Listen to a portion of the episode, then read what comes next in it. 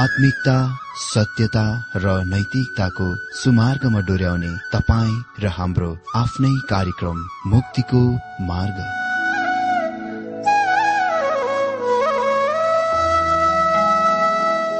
आदरणीय श्रोता यस मुक्तिको मार्ग कार्यक्रममा हार्दिक स्वागत छ आशा छ यस आत्मिक कार्यक्रमद्वारा जीवनमा आत्मिक आशिष अलौकिक शान्ति र आनन्द प्राप्त गर्नुहुनेछ। र जीवनमा धन्य अनुभव गर्नुहुनेछ। आउनुहोस् श्रोता मन र आत्माको तयारीको लागि यो मिठो अनि मधुर भजन गीत सुनौ।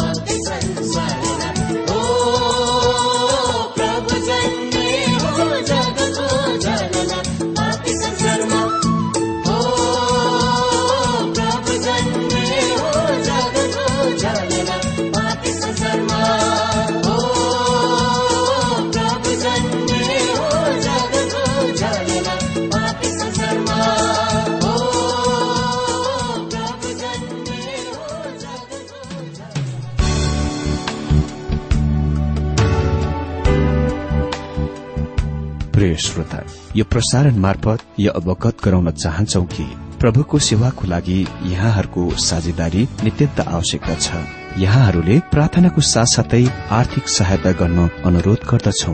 तपाईँहरूको सानो भन्दा सानो भेटी किन नहोस्? हामी प्रभुको नाममा स्वीकार गर्नेछौ प्रभुको सेवाको लागि। तपाईँहरूको यो सानो लगानीले कसैको जीवनमा भिन्नता ल्याउँछ अनि प्रभुको महिमा हुन्छ। प्रभु तपाईँहरूलाई महान गरी आशिष दिनुहुनेछ। इच्छुक श्रोताहरूले तपाईँको इच्छा भेटी हाम्रो ठेगानामा पठाउन सक्नुहुन्छ जुन ठेगाना हामी कार्यक्रमको अन्तमा दिनेछौं।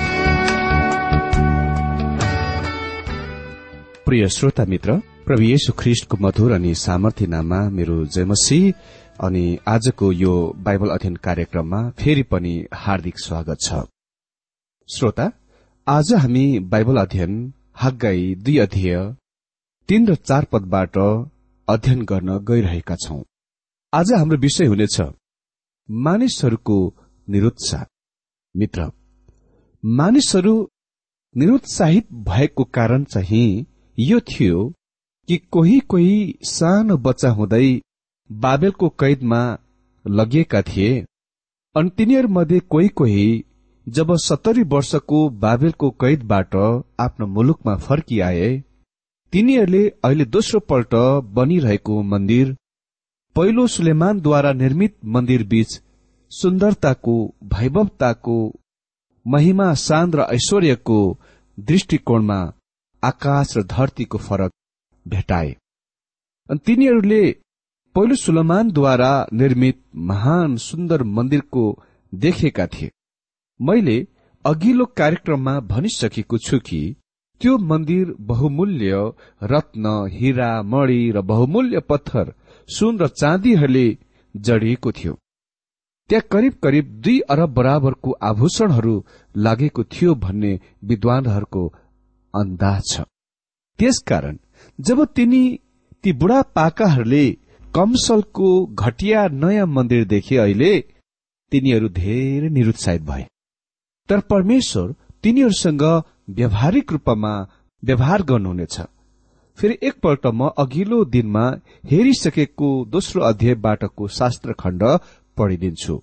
हागे दुई अध्यायको एक पदमा लेखिएको छ सातौं महिनाको एक्काइसौं दिनमा परमप्रभुको यो वचन हागै अगम वक्ताद्वारा आयो। यो कुराको ध्यान दिउ कि यो चाहिँ सातौं महिनामा भएथ्यो तिनीहरूले पूर्ववर्ती समयमा परमेश्वरको उत्साहको सन्देश सुनेको दिन चाहिँ छैटौं महिनामा थियो। यसरी अहिले तिनीहरू एक महिनादेखि निर्माण कार्यमा लागिरहेका छन्। तिनीहरू सुव्यवस्थित संगठित हुन करिब चौबिस दिन बिताए। र अहिले मन्दिर अगाडि बढ्न आरम्भ गरिरहेको छ। निकै नै बनिसकेको थियो। जब तिनीहरूले त्यो प्रगति देखे कार्य प्रगति त्यहाँ अति नै धेरै जोस र उत्साह छ। तर तुरुन्तै हामी देख्छौ कि तिनीहरू निरुत्साहित हुन्छन्। दुई पदमा लेखिएको छ साल्तेलको छोरा यहुदाको राज्यपाल यरुबाबेल यसदाको छोरा प्रधान पुजारी यहोसु र बाँकी रहेका प्रजालाई अब यसो भन। यो सन्देश तिनै मानिसहरूका उही झुण्डलाई निर्दिष्ट गरिएको छ जसलाई परमेश्वरले एक अध्यायमा उही एउटै अगुवाहरू र उही एउटै मानिसहरूलाई मन्दिर निर्माणको लागि उत्साह दिनुभएको थियो। त्यसपछि दुई अध्यायको तीन पदमा हामी स्पष्ट रूपमा देख्छौ कि त्यहाँ दोस्रो बाधा के रहेछ त। तीन पदमा लेखिएको छ तिनीहरूलाई सोध तिमीहरूमध्ये अब यहाँ को बाँकी छ जसले यो भवनको अघिको महिमा देखेको थियो? अहिले तिमीहरूलाई यो कस्तो देखिन्छ? के तिमीहरूको नजरमा यो त केही पनि होइन जस्तो लाग्छ? यहाँ हामी त्यो दोस्रो निरुत्साहको देख्छौ जुनको मैले पहिले भनिसकेको छु कि त्यहाँ कोही कोही बुढापाका मानिसहरू थिए जो साना बच्चाहरू हुँदाखेरि बेबिलोनको कैदमा बाबेलको कैदमा लगेका थिए। र तिनीहरूले पहिलो सुलेमानद्वारा निर्मित मन्दिरको आफ्नै आँखाले देखेथे र अहिले तिनीहरू आफ्नो मुलुकमा कैदबाट मुक्त भएर आएपछि त्यो दोस्रो मन्दिर भवनको देखे। जुन सुन्दरता वैभव ऐश्वर्य शानको तुलनात्मक दृष्टिकोणले पहिलोको सुलेमानद्वारा निर्मित र यो मन्दिर बीच आकाश धरतीको फरक थियो। त्यसकारण त्यो कमसल खालको त्यो बनिरहेको मन्दिर देखेर तिनीहरू अति नै धेरै निरुत्साहित भए। त्यसकारण यहाँ परमप्रभु हागैद्वारा भन्नुहुन्छ तीन पदमा तिनीहरूलाई सोध तिमीहरूमध्ये अब यहाँ को बाँकी छ जसले यो भवनको अघिको महिमा देखेको थियो। अहिले तिमीहरूलाई यो कस्तो देखिन्छ? के तिमीहरूको नजरमा यो त केही पनि होइन जस्तो लाग्छ?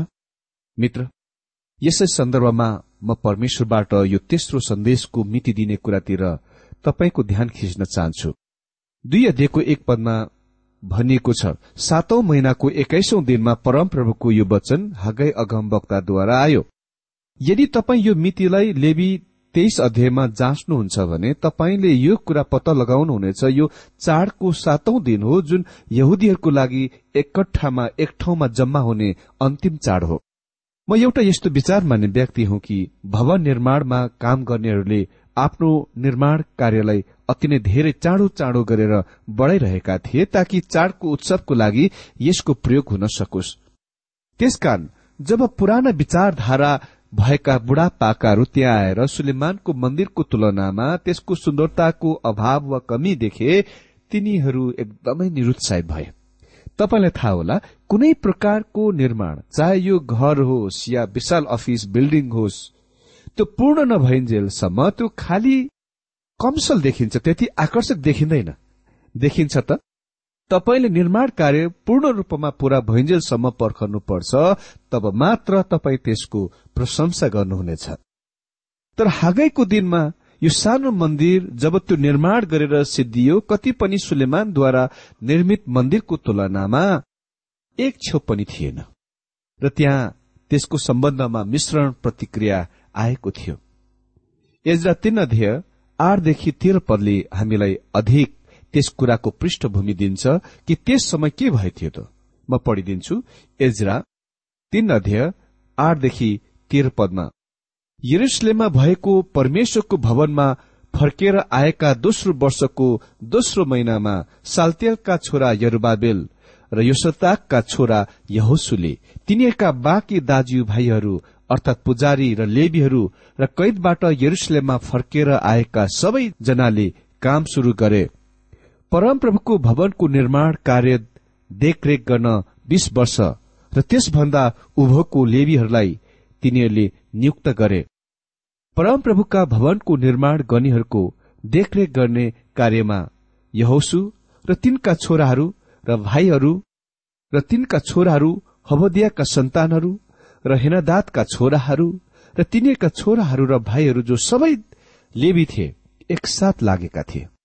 जब बनाउनेहरूले परमप्रभुको मन्दिरको जग बसाले त्यस तब पुजारीहरूले आफ्ना पोषक लगाएर तुरहीका साथमा र लेबीहरू अर्थात आसापका छोराहरू झ्यालीको साथमा इसरायलका राजा दाउदले तोकिदिएको रीति अनुसार परमप्रभुको प्रशंसा गर्न आफ्नो आफ्नो स्थान लिए। तिनीहरूले स्तुति गर्दै र परमप्रभुलाई धन्यवाद दिँदै यसो भनेर गाए उहाँ असल हुनुहुन्छ। उहाँको करूणा इसरायलमाथि सदा सर्वदा रहिरहन्छ। यो केवल जग र केही निर्माण कार्य हुन सक्छ तर पनि तिनीहरूले यसको उत्सव मनाएथे अहिले एजराको विवरण निरन्तर जारी रहन्छ अनि परमेश्वरको जग बसालिएको कारण सबै मानिसहरूले ठूलो स्वरले परमप्रभुको स्तुति गरे।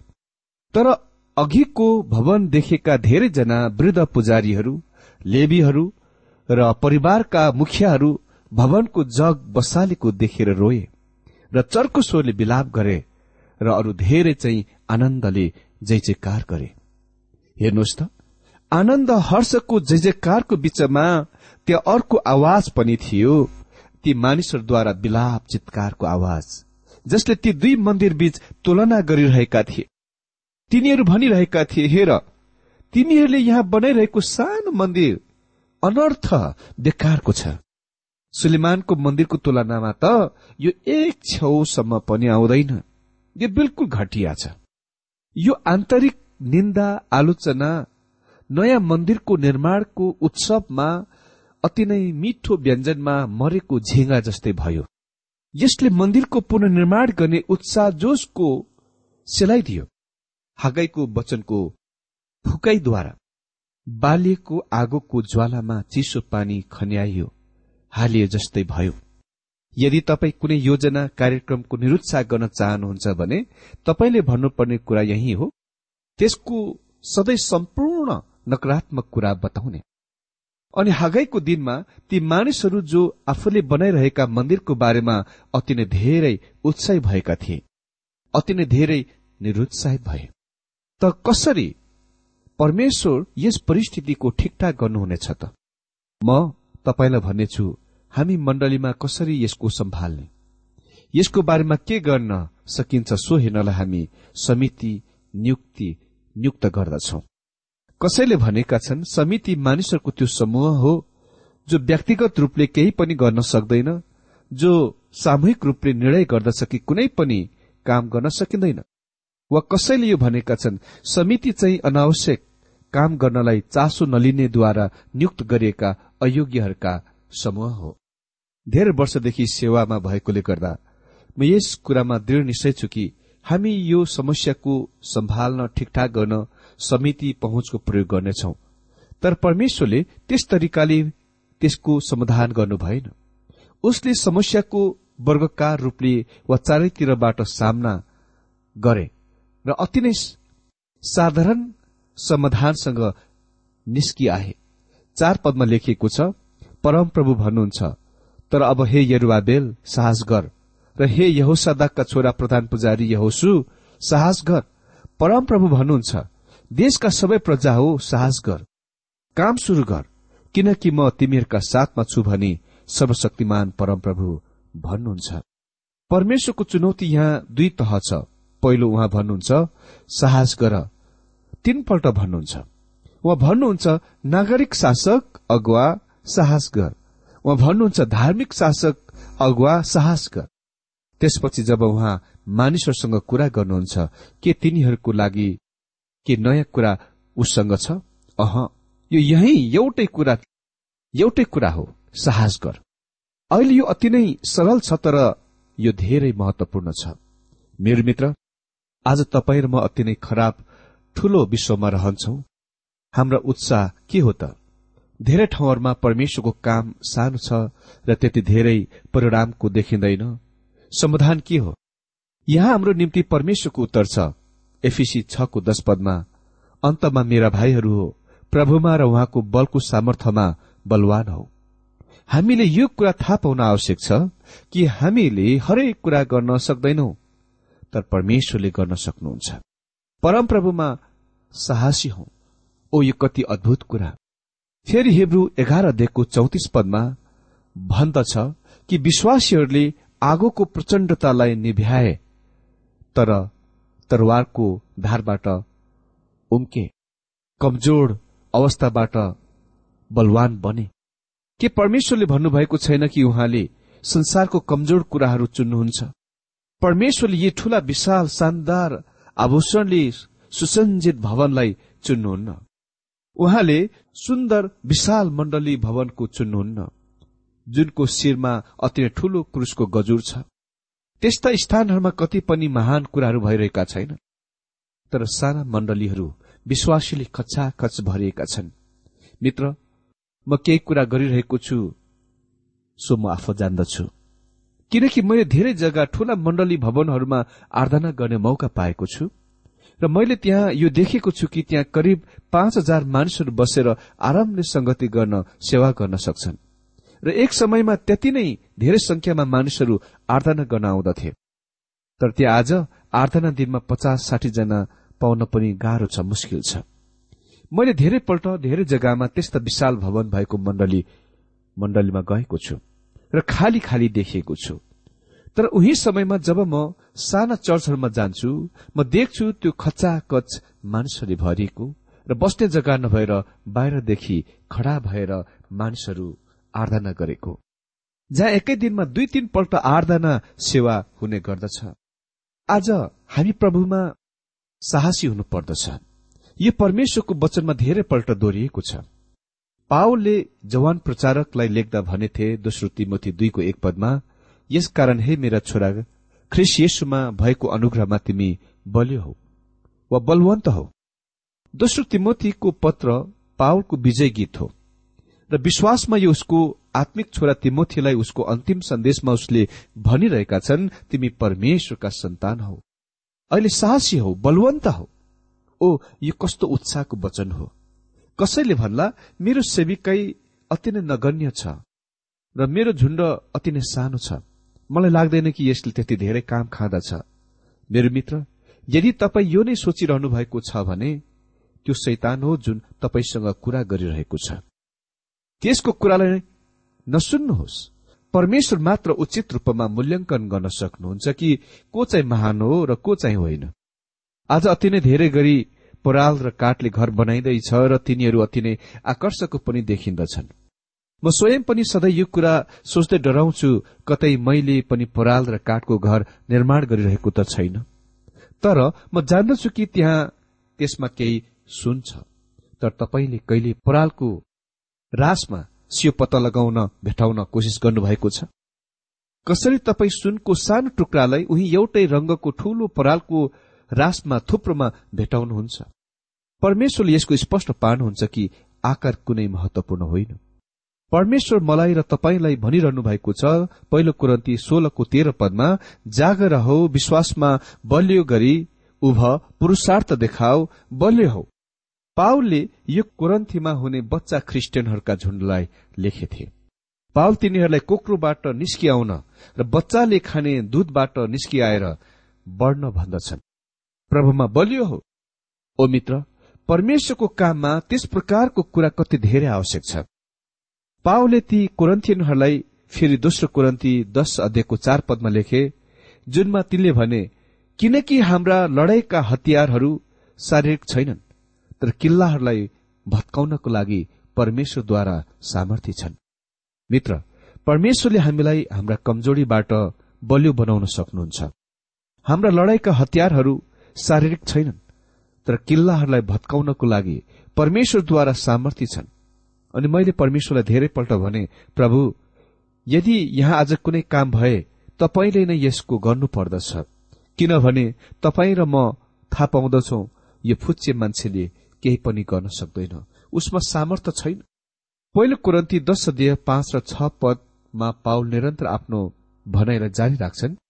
तर्कहरूलाई र परमेश्वरको ज्ञानको विरोधमा आफूलाई उचाल्ने हरेक उच्च कुरालाई ढालिदिन्छौ अनि ख्रिस्टको आज्ञाकारी बनाउनलाई हरेक विचारलाई कैद गर्दछौ। अनि जब तिमीहरूको आज्ञाकारिता पूरा हुन्छ तब सबै अनज्ञाकारितालाई बदला दिने तयारीमा रहन्छौ। अर्को शब्दमा एकदम निश्चय हौ कि तिमीहरू परमेश्वरप्रति आज्ञाकारी छौ। यसले कुनै फरक बनाउँदैन कि कति ठूलो वा कति सानो काम होस्। हामीले यो कुरा याद राख्न आवश्यक छ बलवन्त हौ। परमेश्वरले इसरायललाई भन्नुभयो निश्चय नै यो मन्दिर अर्को मन्दिर जस्तो सुन्दर आकर्षक त छैन। मलाई त्यो थाहा छ तर साहस गर बलवन्त हौ। त्यो मेरो तिमीहरूलाई चुनौती हो। अहिले परमेश्वरले सबभन्दा पहिले तिनीहरूलाई साहस गर वा बलवन्त हौ भन्नुहुन्छ। दोस्रो कुरा काम शुरू गर भन्नुहुन्छ। मतलब निरन्तर निर्माण काममा लागिरह। परमेश्वरलाई नै तय गर्न देऊ कि कुन चाहिँ महान काम हो? जब हामी स्वर्गीयमा जान्छौं र ख्रिस्टको उपस्थितिमा उभिन्छौं मलाई लाग्छ त्यहाँ त्यस्ता मानिसहरू पाउनेछौ जो लुथरको दिनमा लुथर भन्दा महान वेस्लीको दिनमा वेस्ली भन्दा महान र बिल्ली सण्डेको दिनमा बिल्ली सण्डे भन्दा महान र बिल्ली ग्राहमको दिनमा बिल्ली ग्राहम भन्दा महान मानिसहरू थिए। म आफ्नो सेवक मित्रलाई कहिले कहीँ भन्ने गर्दछु कुनै दिन जब हामी परमेश्वरको सामने खड़ा हुन्छौ उहाँले कुनै स्त्रीलाई अगाडि बोलाउनुहुनेछ र भन्नुहुनेछ यो स्त्री एक विश्वासी हुन् जो यो फुच्चे प्रचारकले रेडियोमा सेवा गरिरहेको बेला एक विश्वासयोग्य श्रोता थिइन् र तिनी सबभन्दा धेरै आदरको योग्य छिन्। म तिनलाई पुरस्कृत गर्न गइरहेको छु। यदि मैले तिनलाई सामने ल्याएर तिमी मानिसहरूलाई तिनलाई जान्दछौ या जान्दैनौ भनेर सोधे तिमीहरू सबैले भन्नेछौ हामीले तिनलाई कहिले देखेका जानेका र तिनको प्रचार सुनेका छैनौ। तिनी एक अज्ञात अजान विश्वासी हुन्। तिनीसँग खालि एउटै छोरा मात्र थियो। तिनको पतिले तिनलाई त्यागेर अर्को पत्नी विवाह गर्यो र तिनले उसलाई पालन पोषण गरी हुर्काई। त्यसपछि तिनले उसलाई सेवामा पठाए अनि त्यस केटाले कस्तो महान काम गरी। तिनी विश्वासयोग्य थिइन्। तिनीसँग हजारौंलाई बोल्ने अवसर थिएन तर तिनी एकजनासँग बोल्ने अवसर थियो र त्यति नै परमेश्वरले तिनलाई गर्न भन्नुभयो। मेरो मित्र हाम्रा आँखा त्यस दिन खुला हुनेछ जब हामी उहाँको उपस्थितिमा उभिन्छौ। उहाँ भन्नुहुन्छ साहस गर र काम शुरू गर। हामी परमेश्वरले दिनुभएको कामहरूमा विश्वासयोग्य हुनु पर्दछ अहिले यहाँ उत्साहको महिमित वचन छ किनकि म तिमीहरूसँग छु।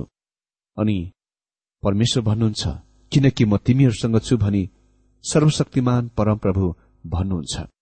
त्यसकारण परमेश्वर हगैको दिनका यी निरुत्साहित भवन बनाउनेहरूलाई भन्नुहुन्छ तिमीहरूले बनाइरहेको सानो भवन त्यति सुन्दर त्यति महान सुन्दर नहोला। सुलेमानले निर्माण गरेको मन्दिरको तुलनामा तर म तिमीहरूसँग छु।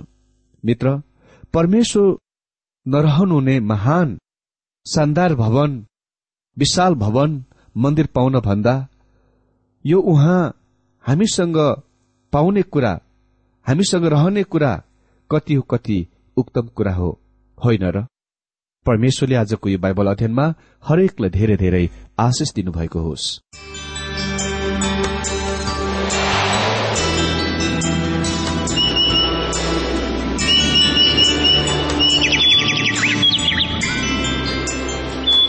प्रिय श्रोता अहिले भर्खरै तपाईँले टीडब्ल्यूआर नेपालद्वारा सञ्चालित आत्मिक कार्यक्रम मुक्तिको मार्ग सुनिरहनु भएको थियो। श्रोता आजको यो कार्यक्रम सुनेर तपाईँलाई कस्तो लाग्यो? यदि यो कार्यक्रम सुनेर मनमा कुनै खुल्दुली वा कुनै प्रतिक्रिया अर्थात सुझावहरू छन् भने हामीलाई पत्रद्वारा लेख्न सक्नुहुनेछ।